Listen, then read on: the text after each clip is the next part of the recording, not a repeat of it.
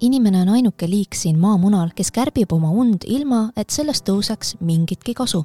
ühiskonna ükskõikses suhtumises unesse on osaliselt süüdi ka teaduse ajalooline suutmatus selgitada, miks me und vajame.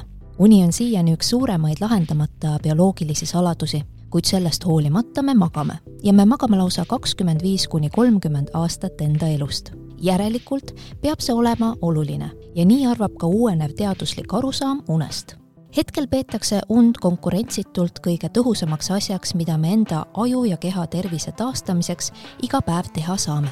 ehk tegemist on siis emakese looduse siiani parima surmavastase vahendiga.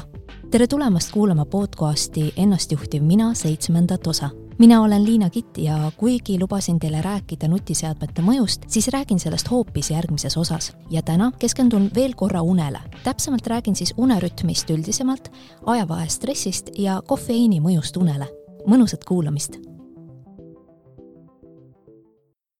seda, millal me tahame magada ja millal üleval olla, määravad kaks põhilist tegurit signaal, mida saadab välja meie sügaval aju sisemuses asuv ööpäevakell ehk tsirkadiaanrütm ja keemiline aine adenosiin, mis koguneb ajusse ja tekitab unesurvet.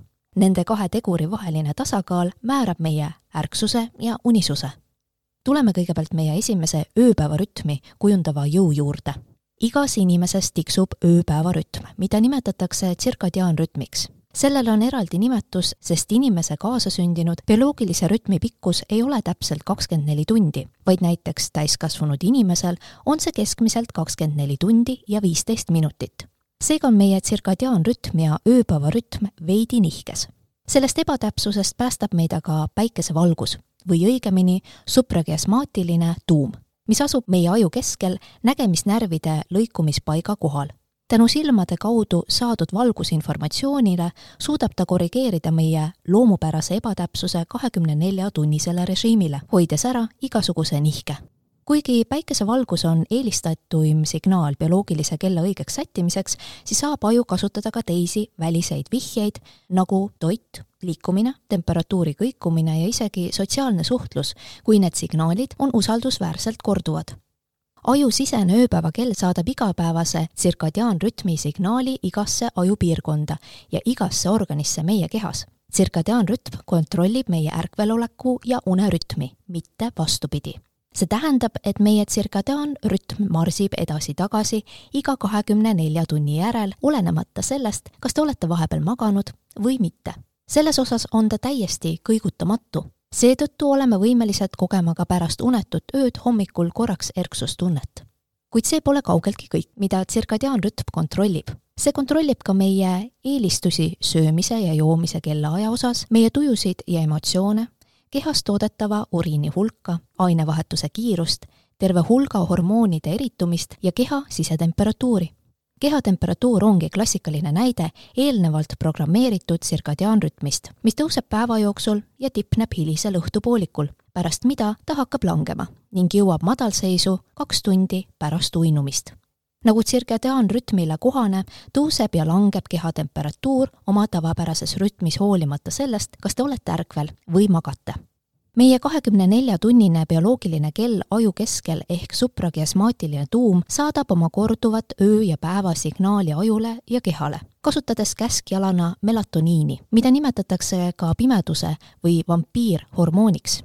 ei, ta ei ole meile ohtlik, lihtsalt ta vabaneb öösiti. vastavalt suprakiasmaatilise tuuma juhistele hakkab pärast päikeseloojangut käbinääre, piirkondi sügaval aju tagaosas, melatoniini vereringesse paiskama melatoniin on aga nagu võimas megafon, mis röögib ajule ja kehale, nüüd on pime, nüüd on pime. sel hetkel kuulutatakse ametlikult välja öö algus ja koos sellega antakse bioloogiline käsk teha algust magama minekuga. huvitav on aga see, et, une tekitamisele avaldab melatoniin vähe mõju, kuid ta mõjutab ajupiirkondi, mis sellega tegelevad kui mõelda unest kui olümpiamängude saja meetri jooksust, siis on melatoniin seal stardikohtuniku hääl, kes hoolitseb ajastamise eest, kuid jooksus ise ei osale. kui uni on saabunud, siis väheneb melatoniini kontsentratsioon öö jooksul aeglaselt kuni hommikutundideni. koidikul, mil päikesevalgus jõuab silmade kaudu ajuni, vajutab see käbinäärmele pidurit ja melatoniini vallandumine lõpeb veres ringleva melatoniini puudumine annab nüüd ajule ja kehale märku, et une finišijoon on kätte jõudnud. seega me allume väga konkreetsetele rütmidele, mis pole just liiga paindlikud. antud rütm ei salli väga reisimist ja seda just tänapäeval, sest reaktiivlennukid on andnud meile võimaluse kihutada läbi ajavööndite kiiremini, kui inimese sisemine ööpäevakell jõuab järge pidada ja ennast õigeks seada. Lennukid tekitasid bioloogilise kella ajas mahajäämise ehk ajavahestressi.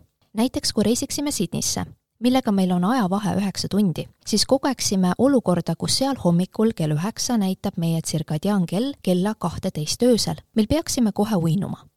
uues ajavööndis olles lohistame oma ajasegase aju ja keha läbi päeva, kuigi meie keha nõuab und oodake, halvim osa alles tuleb. kui Sydneys on kell kaksteist öösel, siis oleme õnnelikud, et lõpuks saame magada. aga kas me siis saame magada? tõenäoliselt mitte, sest meie sisemine kell ütleb meile, et on päev ja on aeg tegutsemiseks. see ongi ajavahe stress. Õnneks ei kesta selline seisund igavesti. aklimatiseerumine toimub pikkamööda, kui päikesevalgus annab kehale teada uuest asukohast. aga see on aeglane protsess iga teises ajavööndis viibitava päeva kohta suudab suprakiasmaatiline tuum kohaneda ühe tunni võrra. seega võtab Sydney ajaga kohanemine meil üheksa päeva aega seda teades loodan ma väga, et teie puhkus kestab oluliselt kauem kui üheksa päeva, sest tagasi tulles peate läbi tegema täpselt sama protsessi. vahemärkusena ütlen, et ida poole reisimine on märksa keerulisem kui läände, sest see nõuab uinumist tavapärasest varasemal ajal, millega toimetulek nõuab ränka bioloogilist pingutust. Lääne poole reisimine nõuab aga kauem üleval püsimist, mis on meile lihtsam?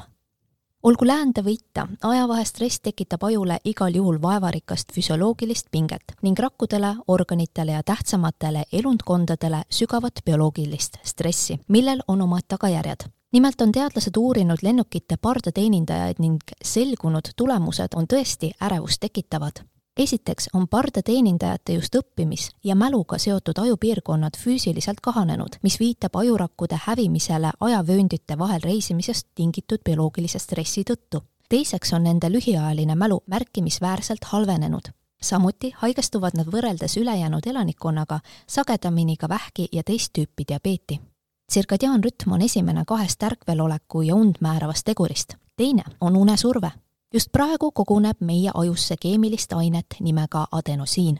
selle kontsentratsioon suureneb iga ärkvel oldud minutiga. mida kauem üleval oleme, seda rohkem koguneb adenosiini.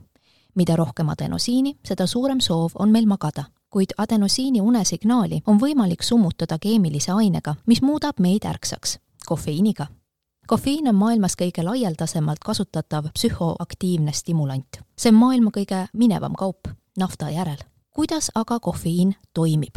kofeiin toimib organismis nii, et ta asetab ennast adenosiini vastuvõtukohtadele ehk retseptoritele. adenosiin ei saa sinna enam kinnituda, sest koht on ära võetud ja nii blokeerib kofeiin signaali unisusest, mida adenosiin tavaliselt ajusse saadab tulemuseks on, et kofeiin tekitab petliku tunde ärkvel olekust ja ärksusest hoolimata kõrgest adenosiini sisaldusest. kofeiini kõrghetk meie vereringes jõuab kätte kuskil kolmkümmend minutit pärast manustamist suuremaks probleemiks on aga kofeiini püsivus organismis farmakoloogias kasutatakse mõistet poolestusaeg, mis tähendab aega, mille jooksul keha suudab ravimi kontsentratsiooni vähendada viiekümne protsendi võrra. nüüd kofeiini poolestusaeg on aga viis kuni seitse tundi. see tähendab, et kui te jooksite pärast õhtusööki kella seitsme paiku tassi kohvi, siis võib kell üks öösel viiskümmend protsenti sellest kofeiinist olla endiselt aktiivne ja teie ajukoes ringelda ülejäänud viiskümmend protsenti on alles ja kofeiini kadumise nimel tuleb öösel teha veel suur hulk tööd. seetõttu ei tule uni kergesti või ei püsi öö kestel sügav.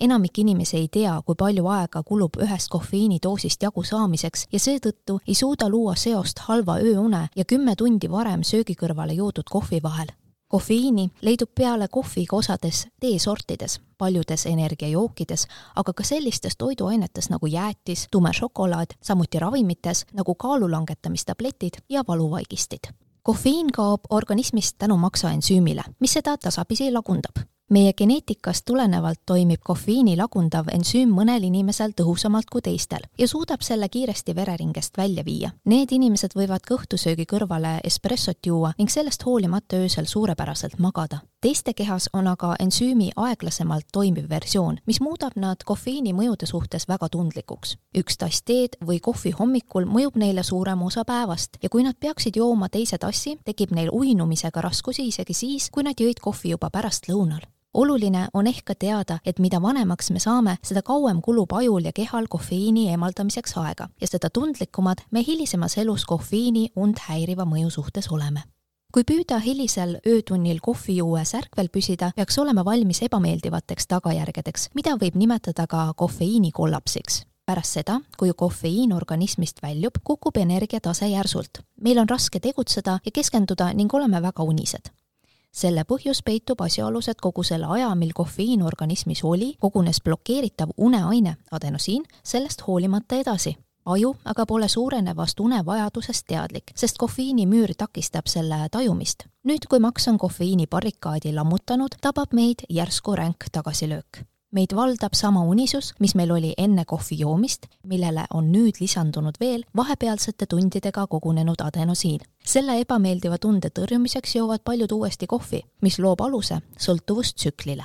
aga kuidas mõjub kofeiin noortele? on aru saadud, et süvaune intensiivsuse ja aju küpsemise vahel on tugev seos. süvauni siis pakub neuraalse kärpimise teenust, mida aju küpsemiseks vajab murettekitav on aga seik, et kui katsed tehti inimese noorukieale vastavas vanuses rottide ja kassidega ning neile manustati kofeiini, siis kofeiin katkestas nende NREM ehk sügavune ja seetõttu lükkas edasi arvukalt aju küpsemise etappe ning loomade arengut sotsiaalses aktiivsuses, iseenda eest hoolitsemises ja keskkonna tundma õppimises, mis kõik on enesemotivatsioonil põhineva õppimise mõõdud.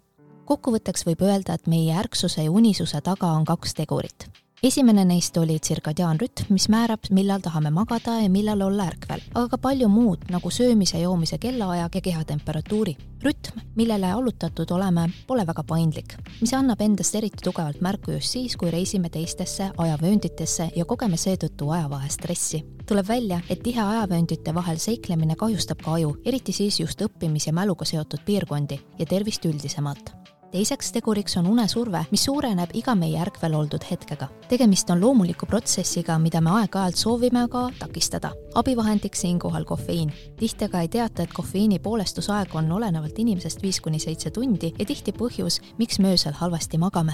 kuid meie hulgas on ka erandeid, kelle maksaensüüm töötab nii tõhusalt, et ka õhtul joodud kohvi ei tekita mingeid uneprobleeme. noortele, kelle aju pole veel välja arenenud, kohvi joomist üldiselt ei soovitata suur aitäh, et olid minuga ja kuulasid Ennastjuhtiv mina podcasti. materjalid, mida selle osa loomiseks kasutasin, leiad episoodi kirjeldusest. järgmisel korral võtan ette kaheksanda teema, milleks on nutiseadmete mõju meile. seniks aga arukat ajukasutust, kohtumiseni